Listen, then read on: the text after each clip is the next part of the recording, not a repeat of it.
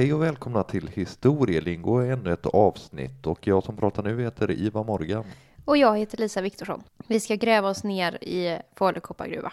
Och det här är ju sånt här avsnitt som vi har talat om, du och jag, ganska länge.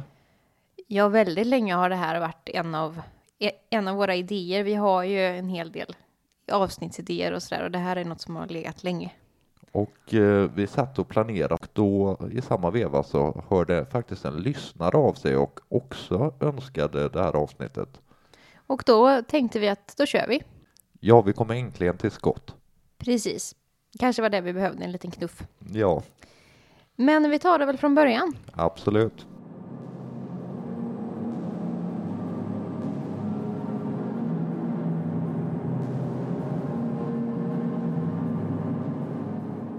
Falu koppargruva är enormt gammal. Ja, verkligen. Man vet inte exakt när man börjar bryta eh, i gruvan. Nej, Men med hjälp av geologi och arkeologi så kan man fastslå att någonstans mellan 850 och 1080, ja efter Kristus då naturligtvis, så genomfördes den första gruvbrytningen. Men man vet inte helt säkert och man vet inte när under den här perioden det skulle ha hänt exakt då. nej, och man vet framförallt kanske inte vem det var som upptäckte de här fyndigheterna, men det finns ju lite sägner om det här. Ja, precis. Det finns en eh, vältraderad sägen om bocken Kåre. Och eh, den här getabocken då var ute och betade på betesmarken för att det området som idag är gruvområdet, det var betesmark. Och Kåre han kommer hem och eh, bonden blir lite förvånad för Kåre har röda horn. Ja, och det måste han ju gå till botten med.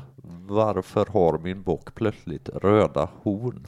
Så han, dagen efter så följer bonden med Kåre ut i markerna och ehm, han upptäcker då att Kåre står och gnider sina horn mot marken. Varpå bonden går fram och kikar efter och då upptäcker han de här enorma kopparfyndigheterna då. Med all sannolikhet så är det här en väldigt påhittad sägen. Eh, men eh, lite, lite rolig att berätta ändå. Och när det gäller sägner och så kring gruvan så är, finns det ju väldigt många Absolut. både kring Falu koppargruva specifikt, men också kring gruvdrift i allmänhet. De här mörka tunnlarna och så har ju lockat fram fantasi och annat, så att det, det finns mycket väsen och spöken och sånt där i, i gruvor. Och det pratade vi i ett väldigt tidigt avsnitt av Historielingo. Ja, det var avsnitt 16 vill jag minnas då vi pratade om gruvfrun. Precis. Men eh, tillbaka till Falun. Tillbaka till verkligheten. Ja, precis. Någon gång då mellan 850 och 1080 så börjar gruvbrytningen i Falun. Och det första skriftliga materialet som finns, det är från 1288. Och det är ett bytesbrev. Ja, precis, för man hade ju sådana här brev för att kunna få bryta i gruvan. Exakt. Det, gruvan bestod av väldigt många andelar och då fick man liksom köpa in sig på olika andelar och så. Och det här brevet då undertecknades 1288 och det är det första skriftliga dokumentet kring Falu koppargruva. Men som sagt, verksamheten var ju redan etablerad då. Det var ju Ja, inte så den att... var gammal redan vid det Ja, här laget. Så det var inget som grundades då. Men det är det årtalet som finns att ut- utgå ifrån. Och i och med det så är då Kopparberget världens äldsta företag som fortfarande är igång. Mm. Men det återkommer vi till lite mer senare. Absolut. Privilegiebrev däremot, det fick man lite senare. Mm. 1347. Ja, okej, det lär vara kung Magnus då, va? Precis, det var Magnus Eriksson som utfärdade privilegiebrevet. Och Magnus har vi ju berört otaliga gånger i historielingo. Inte minst i ett annat väldigt tidigt avsnitt, avsnitt 10, då vi pratade om heliga Birgitta. Precis. Och där f- förekom han frekvent. och sen under hela medeltiden så var Falu koppargruvan väldigt viktig. Den var väletablerad, den var gammal i gamet och eh, man exporterade också koppar. Och eh, under 1300-talet så blir det också någonting kungligt. Som sagt, Kopparberget driver ju liksom driften eh, i koppargruvan. Men det är kungen som faktiskt äger gruvan. Ja, okej. Och sen det kommer att bestå sen under lång tid. Men sen är det ju under, under tidig modern tid som det verkligen tar fart ekonomiskt. Absolut, man hade någon slags peak runt 1650 när det var som mest liv och rörelse i gruvan. Och eh, bitvis under gruvans historia så har den faktiskt stått för mer än 66 procent av världens koppar. Och det är väldigt mycket om man betänker hur mycket koppar faktiskt används till. Ja, absolut, det används ju i diverse legeringar. Och koppargruvan kom faktiskt att bli en av Sveriges absolut största inkomstkällor. Mm. Och eh, i viss mån så la det faktiskt grunden för Sverige som en så kallad stormakt Mm. under den så kallade stormaktstiden. Men det var inte bara koppar man kunde utvinna utan även järn. Mm. Under 1700-talet, i alla fall i början av 1700-talet, så stod faktiskt järn för 70 procent av Sveriges export. Mm. Så det är ju enorma pengar man besitter om man besitter gruvan. Absolut. Och gruvdriften har ju varit och är fortfarande en extremt stor del av Sveriges ekonomi. Inte bara i Falun då. Nej, nog för att man kunde göra mycket pengar på gruvan, men det var också något väldigt intressant att titta på för folk som var i trakten. För redan tidigt så blev gruvan ett turistmål.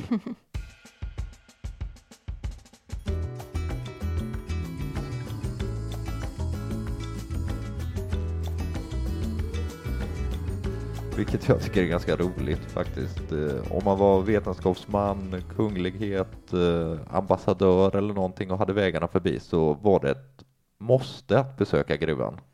Ja, Sverige var ju, väldigt, var ju nästan ledande. Man var ju väldigt liksom tidiga i utvecklingen av gruvdriften. Eh, Jag har en lista här med några av de kända besökarna i gruvan. Inte alla, långt ifrån alla, men några i alla fall. Vad sägs om eh, drottning Kristina? Hon var Ja. på besök 1642. Till det besöket så eh, instiftade man ett speciellt regemente som kallades Berginfanteriregementet som kom att bestå ungefär 150 år efteråt. En annan kunglighet som var på besök var Gustav III Mhm. och ett specifikt besök och hans sista ägde rum 1788. Mm. Och eh, kring detta besöket så skrev man i Falu veckoblad 27 i 9 1788 eh, såklart en artikel. Det är inte varje dag som kungen är på besök, Nej. även om de säkert var ganska vana Faluborna med att det kom kungligheter. Men man skrev i alla fall så här, och det här är någonting som Gustav III själv ska ha skrivit i den så kallade gruvboken. Jag antar att det var som en eh, visitsbok. Ja, i, idag är det ju i modern tid så har ju kungligheter, man, de skriver ju sin namnteckning på en bergvägg nere i gruvan. Just det. Så att den nuvarande svenska regenten har skrivit där bland annat. Gustav III ska i alla fall ha skrivit så här i den här boken. Sedan jag vid nio års ålder 1755 nedsteg i Falu gruva och som Sveriges kronprins nu idag jämnt 20 år sedan 20 september 1768 andra gången gick ner i Falu gruva har jag idag som Sveriges konung för tredje gången besökt denna för riket viktiga skatt och gått till 118 famns djup, rådsalen i stora gruvan 20 september 1788, Gustav. Mm. Han var våghalsig. Han var våghalsig för jag hade inte helt på det klara hur lång en famn egentligen var, men det slog jag såklart upp. En famn är så mycket som 1,78 meter och om då Gustav III var 118 famn långt ner i jorden så befann han sig 210,04 meter nere i avgrunden. Ja, precis. Det är jättedjupt. En famn är ju det man tänker att det är, att man håller ut armarna liksom. Mm. Så, var, så är ju många av de gamla måttenheterna. Ja, absolut. Vill man se hur det såg ut, eller i alla fall en romantiserad bild av det, så har konstnären Per Hilleström målat en tavla av det här 1789, det vill säga året efteråt. En annan som besökte gruvan var Linné. Mm. Han gillade ju att resa. Ja, han var överallt. Högt och lågt. 1734 så var han i Dalarna Mm. och eh, beskriver med fasa liksom det som möter honom. Det är klart att det inte var kul att vara eh, biolog och möta ett helt sterilt landskap. Nej, jag tänkte säga det att det var inte så mycket blommor i gruvan. Nej, absolut inte. Jag kommer in på det lite senare vad egentligen gruvan gjorde med naturen, men det kan vi spara lite grann. Mm. Han stod dessutom och kollade ner i någonting som kallades Stora stöten, vilket måste ha varit väldigt fasansfullt. Mm. För det var ett stort, stort hål, eller är ett stort hål. Mm. Och det kom till eh, den 25 juni 1687. För på den här tiden hade man, visst man försökte väl ha kontroll på gruvdriften men det var inte så lätt alltid så att det var ett myller av olika gruvschakt och gruvgångar som eh, liksom avlöste varandra och gick huller om buller. Och på midsommarafton 1687 så gick det inte längre utan det rasa, det braka. Och då skapades då ett stort hål som var 1,6 kilometer i omkrets Det är enormt. och 96 meter djupt. Ja, det, det, det är extremt stor, stor grop. Det är nästan som att en meteorit har slagit ner eller Mm. något. Men det fantastiska i just den här incidenten är att det faktiskt inte var en enda människa som skadades. Nej. Man var faktiskt ledig i gruvan på midsommarafton, så att det var ingen nere i gruvan. Och eh, då kan man ju leka med tanken att om det inte hade varit då en helgdag så hade det ju varit ett enormt dödstal antagligen. Ja, absolut, för gruvan var ju eh, under perioder Sveriges största arbetsgivare Mm. och, och det kunde vara uppåt tusen personer nere i gruvan. Precis, och jag tror inte att någon hade överlevt det där raset kanske. Förmodligen inte. Och det här raset innebar ju att man inte kunde utvinna lika mycket metaller som tidigare och eh, medförde en kraftig minskning i produktionen som man Mm. aldrig riktigt repade sig från, Nej. även om man fortsatte såklart. Mm. Vi kanske snart ska gå in på hur det var nere i gruvan. Mm. Men en sista sak om eh, tidig modern tid. Ja. För i slutet av 1600-talet kom en eh, kändis till gruvan. Nämligen Kristoffer Polhem. Precis, som prydde en av de gamla sedlarna. Precis. Han är ju en av Sveriges absolut mest kända uppfinnare. Ja, absolut. Och även, inte bara inom Sverige utan även internationellt.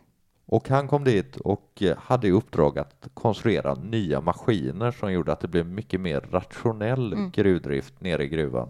Till exempel något som kallas uppfordringsverk, det vill Mm. säga anordningar för att hissa upp metall, eller malm rättare sagt. Mm. Metallen kommer ju ur malmen så det var inte bara så att man kunde hämta metallen. Och de här var ganska moderna Mm. för att de drevs till exempel av vattenkraft. Men man hade även hästar och oxar som eh, liksom drev de här vincharna. Och oxar har ju en speciell historia i Falun. Ja, det var vi ju inne på i vårt korvavsnitt för ett antal månader sedan. Ja, för det fanns många oxar. De behövdes för att dra de här vincharna. Man gjorde rep av deras hudar, men kanske framför allt, nej, inte framför allt, men som en biprodukt av det här, så fick man ju en massa kött Mm. och det blev ju falukorven. Och det pratar vi mer om då i avsnitt 53 när vi pratade om korvens historia. En annan sån här sak är ju Falu rödfärg som Mm. man efter den så kallade stormaktstiden verkligen började utvinna utav restprodukter och sen som porträtterar Dalarna. Precis, och eh, det är ju så att en, en färg får inte kallas far rödfärg om den saknar pigment från gruvan. Så Mm. det, är- det, det måste innehålla det för att man ska få använda den, det epitetet. Mm. Och det är också det, det, som, det enda som man fortfarande utvinner i gruvan. En annan sån här sak som Polhem gjorde var nya pumpar. För det är såklart att man måste få upp vatten ur gruvan. Det är Mm. ju vatten i jorden och eh, det måste ju väck på något sätt. Så att han eh, gjorde nya anordningar med pumpar också som fungerade väldigt bra. Mm. Och eh, vi pratar ju om det är väldigt innovativt. Att eh, det liksom, man hittar på nya lösningar och det är hela tiden nya innovationer. Eh, vi pratade om ett annat stort innovativt företag för några veckor sedan när vi pratade om Göta kanal. Just det. Så det finns, finns en viss koppling.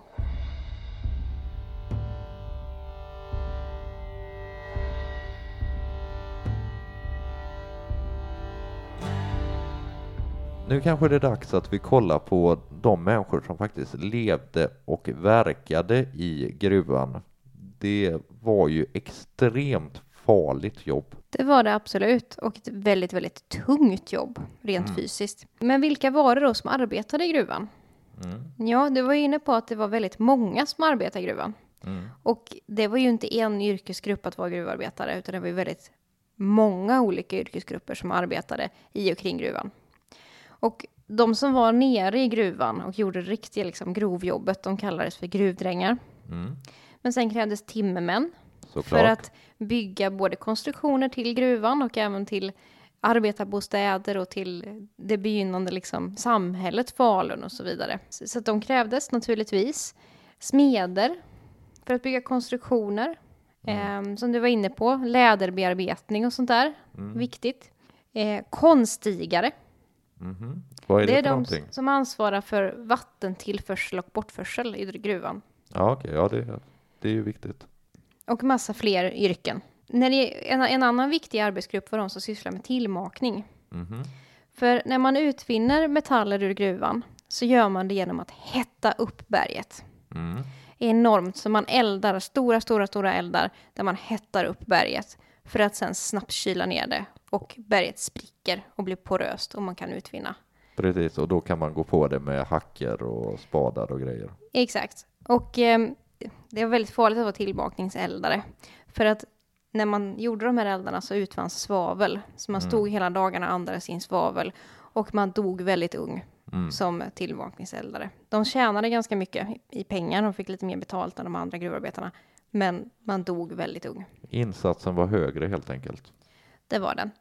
Men som jag sa, det är inte bara arbetare i själva gruvan, utan i det omliggande samhället. Mm. Och någonting som krävdes för att kunna hålla gruvan igång, det var ju enormt mycket virke. Både för, som jag sa, att bygga konstruktioner, hus och så vidare, men framför allt till de här eldarna, tillmakningseldarna. Och eh, vi var inne på tidigare att eh, det här är ju världens äldsta nu existerande företag. Mm. Och det gick ju under namnet Stora Kopparbergs Bergslags AB. Mm. Och man sysslade inte bara med gruvdrift. Nej, Eftersom jag sa, de här till- tillmakningseldarna och så vidare krävde väldigt, väldigt mycket virke. mm. självklart. Så att man började också då att, att hålla på med skogsbruk. Och det kom att bli en större och större, större del av det här företaget. Mm. Och eh, 1970, nu går väl lite händelserna i förväg, men på 1970-talet då så sålde Stora Kopparbergs AB, man så, som gick under namnet Stora, det är det i folkmun man kallar för Stora. Då sålde man Kopparberget. Och eh, i den vevan så började också besöksverksamheten, den som fortfarande är aktiv då i gruvan. Men eh, det heter ju inte Stora Kopparbergs Bergslags AB längre. Nej. Utan sedan 1998 så heter det Stora Enso. Mm. Och eh, det skedde i samband med en sammanslagning med finska Enso Oy eh, 1990, 1998. Ja, okej. Och det är ett företag med en väldigt lång historia. Mm. Som grund, första belägget vi har är 1288. Det kan ha varit mycket äldre än så också. Eller om man ska räkna när privilegierna kom och så vidare. Men om vi säger 1288 till 2021, för det är ju still going strong. Det är alltså 733 år. Det är väldigt, väldigt länge. Men då ska vi säga att från 70-talet så lämnade man ju helt det här med Med berget. Med, ja, med berget. Och idag är det ju helt fokuserat på skogsbruk och pap- pappersindustri. Men åter till vilka som jobbade i gruvan. Mm. För det var som sagt väldigt många olika yrkesgrupper. Det fanns två sidor av myntet att vara anställd i gruvan. Mhm. Fördelen, det var att det var ganska trygga anställningsvillkor. Mm. Att, ja, det var relativt svårt att få sparken helt enkelt. Det var ganska trygg anställning, fast anställning, helt okej lön för att vara en arbetarlön under, pratar vi liksom medeltid och tidig modern tid, Mm. så var det en helt okej lön. Och man fick en dräglig bostad också. En dräglig bostad kunde man kosta på sig och man fick ledigt på söndagar och helgdagar. Ja, det var ju bra. Om vi tänker på det där stora raset som vi beskrev tidigare. Absolut. Så att på det sättet så var det en ganska schysst anställning. Men det fanns ju en baksida av myntet. Självklart. Och det var ju att det var extremt farligt. Mm. Som vi var inne på, tillmakningseldarna, de blev inte gamla.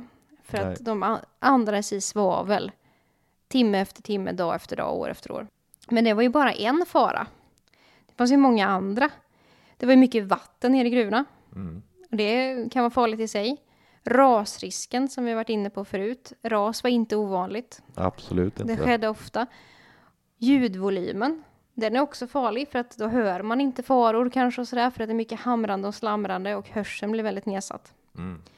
Och eh, det var också risk för fall naturligtvis. Självklart. Det var ju djupt ner i gruvan.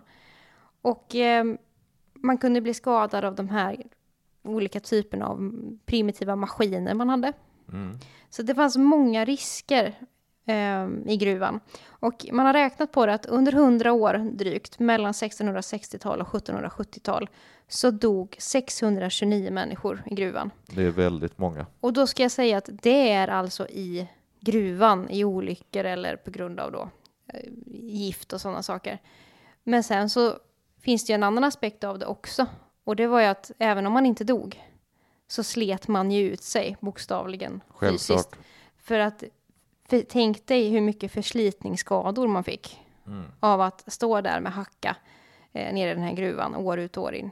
Och det blev som sagt mycket skador också, dödsfall och skador. Och eh, till det krävdes ett sjukhus. Mm. Och det här gruvhospitalet då, det grundades 1695. Mm. Och med det så blev det Sveriges äldsta, Sveriges första riktiga sjukhus. Ja, man hade 12 eh, sängplatser där folk kunde ligga och eh, krya på sig. Ja, så att eh, Sveriges första sjukhus var i Falun. Men som sagt, det var väldigt, väldigt farligt. Mm. Och eh, det har kallats liksom för helvetet på jorden och sådär. De flesta som har bevittnat arbetet i gruvan har skrivit om hur otroligt dåliga arbetsförhållanden det är. Absolut. Och eh, när man besökte liksom Falun så var det många som skrev om det som att det var skärselden i princip. Ja, eh, man såg ett stort helvetesgap framför sig. Eh, liksom. och, eh, nej, det var en otroligt farlig arbetsplats. Och det är inte konstigt att man började kanske se spöken och annat. Eh, det var ingen trevlig arbetsmiljö. Nej. En som det inte gick så bra för, det var Mats Israelsson. Mm. Han har ett smeknamn också. Mm.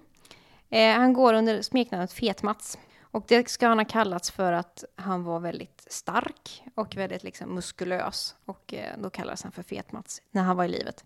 Men det här är en ganska otäck historia. För den 2 december 1719 så gör man en fruktansvärd upptäckt i ett schakt som man har lämnat. Mm. Det var så att man kunde ju bryta i ett schakt. Det fanns ju tusentals schakt och rum i gruvan totalt. Men man bröt i ett schakt ett tag och sen av, övergav man det. Och i perioder när det gick sämre så kunde man komma tillbaka till gamla schakt och se kan vi hitta något mer här? Och det var det man gjorde. Man gick ner och kollade i ett gammalt ras, ett gammalt schakt. Och där hittade man en manskropp. Mm. 100, på 550 meters djup. Och man blir förskräckta naturligtvis. Och det är Självklart. ganska otäckt. Eh, benen är av, båda benen är av och sådär. Men det är ingen som känner igen honom. Nej. Och eh, ja, man tr- trodde ju naturligtvis att liket var färskt. För det Mm. såg färskt ut, helt färskt ut. Och det var, huden var liksom fortfarande mjuk på vissa ställen och sådär. Och ingen kände igen honom. Ingen visste, vad är det här för man? Det var ingen som kände igen den här mannen. Och man eh, ställde ut honom, helt enkelt, för allmän beskådan. Mm. Så allmänheten fick komma dit och titta. Och efter ett tag då så får man upp en kvinna som heter Margareta Olsdotter. Hon känner igen honom Mm. och utbrister då att det där är ju min Mats. Då visar det sig att det är den här Mats Israelsson som hade försvunnit 42 år tidigare. Och det var då hennes fästman.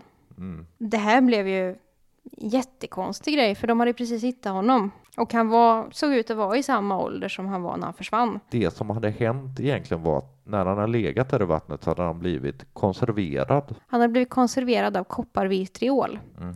som då är ett ämne som fanns i gruvan och eh, som gjorde att kroppen var intakt i stort sett. Konserverad. Lite som liksom, ja, det finns ju an- andra sådana här fall. Men skillnaden till exempel mot Voxstensmannen eller någon annan liksom välbe, välbevarat lik var ju att det såg ut som att han hade dött samma dag. Liksom. Ja, precis.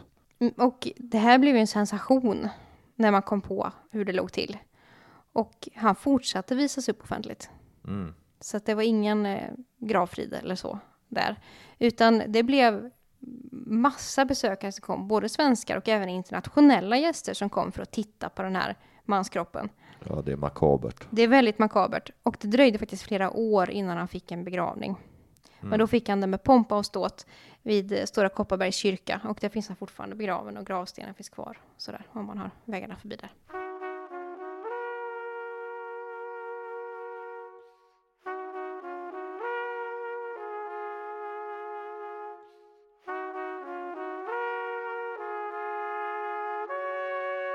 Men om vi ska prata lite grann om livet i Falun så kan man ju tänka sig att det inte alltid var jättetrevligt.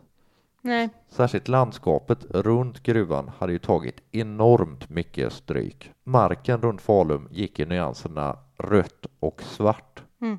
Och eh, så ska det inte riktigt se ut i naturen. Nej, Till exempel bäckarna var helt röda för järn gör ju att eh, bäckar blir röda och eh, allt var bränt liksom. Dessutom så var det som ett töcken runt samhället. Det är ju den här svavelröken vi varit inne på tidigare som låg som ett töcken över staden som gjorde att solens strålar aldrig riktigt nådde fram. Och att alla behövde andas in det här. Oavsett om du jobbade i gruvan eller inte så, så behövde du utsättas för det här dagligen.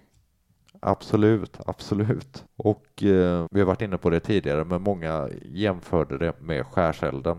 Dessutom nattetid så såg det ut som att eh, staden var upplyst i lågor, att den brann, för man hade ju igång de här eh, eldarna mycket på grund av att man skulle förädla malmen och det gjorde man ju genom hetta.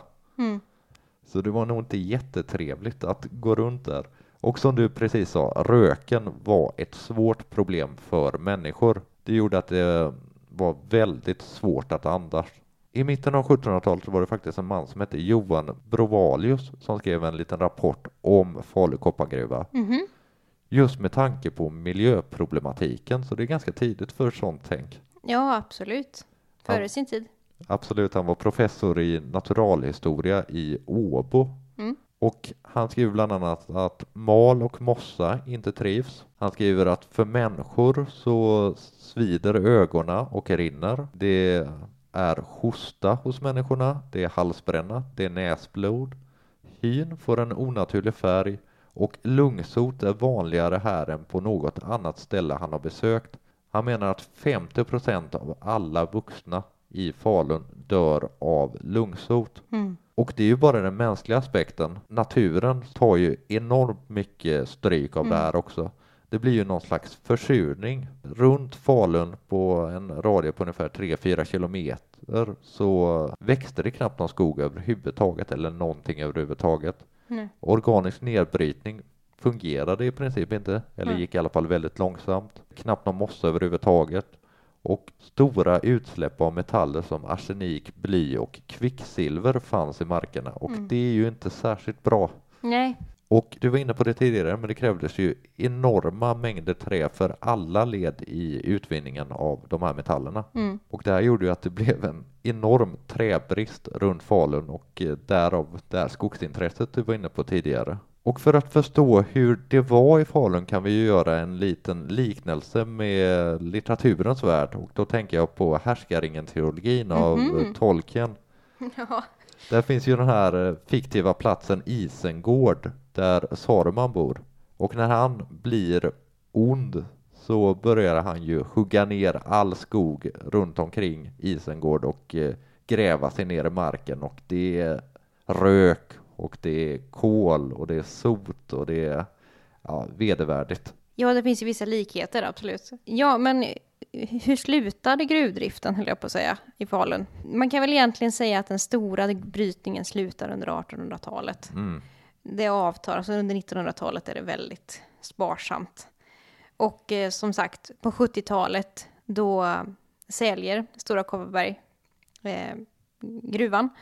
Och då börjar också turismnäringen att dra igång, som fortfarande är med guidade visningar och att man får komma ner i gruvan och så. Den sista gången man skjuter i gruvan, det är den 8 december 1992. Mhm. Och då är det ceremoniellt för att liksom, nu är det här sista gången, nu Ett avslut helt enkelt. Ja, precis. Och det var liksom med pompa och, pompa och ståt för att markera formellt att nu är gruvdriften i Falun slut.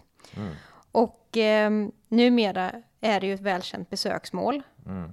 och ett kulturarv. 2001 blev det upptaget på Unescos världsarvslista. Mm, inte illa. Det är inte illa, det är flott värre. Och eh, det enda som liksom utvinns ur gruvan idag, det är ju då pigment i falu rödfärg. Ja, det var vi inne på tidigare. Men ska vi försöka knyta ihop historien om Falu Kopparberg på något sätt?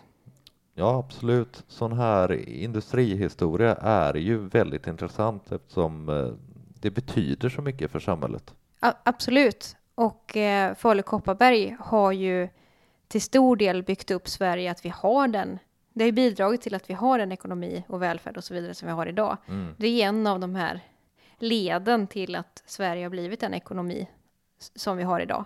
Mm. Men eh, det har ju också kostat väldigt mycket. Absolut. I människors både fysiska och psykiska hälsa och i människoliv. Ja, och i djurliv också. Ja, och i miljö och, och så vidare. Så är det absolut. Men det är en väldigt, väldigt lång historia och intressant och vi har bara tagit upp några fragment mm. ur den här nästan tusenåriga historien. Ja, absolut. Vi och, skulle kunna berättat en mängd mer anekdoter. Ja, det finns ju mängder av historier kring Falu koppargruva och eh, vi var tvungna att välja ut några. Annars hade det blivit väldigt långt det här avsnittet. Ja, verkligen. Men eh, om ni tycker det är intressant med industrihistoria och sådär, det behöver inte vara svensk, men industrihistoria generellt så kan ni ju gärna höra av er om ni vill ha ett avsnitt om något annat företag eller sådär, eller någon annan, annan typ av industrihistoria. Och då har vi en mejladress. historielingo.gmail.com Och vi har en Instagram och där heter vi historielingo. Men eh, nästa torsdag, då är vi tillbaka med ett helt vanligt historielingo om någonting helt annat än Falu koppargruva. Det är vi. Hoppas ni är med oss då. Ha det bra Therese. Ha det gott. Hej. Hej.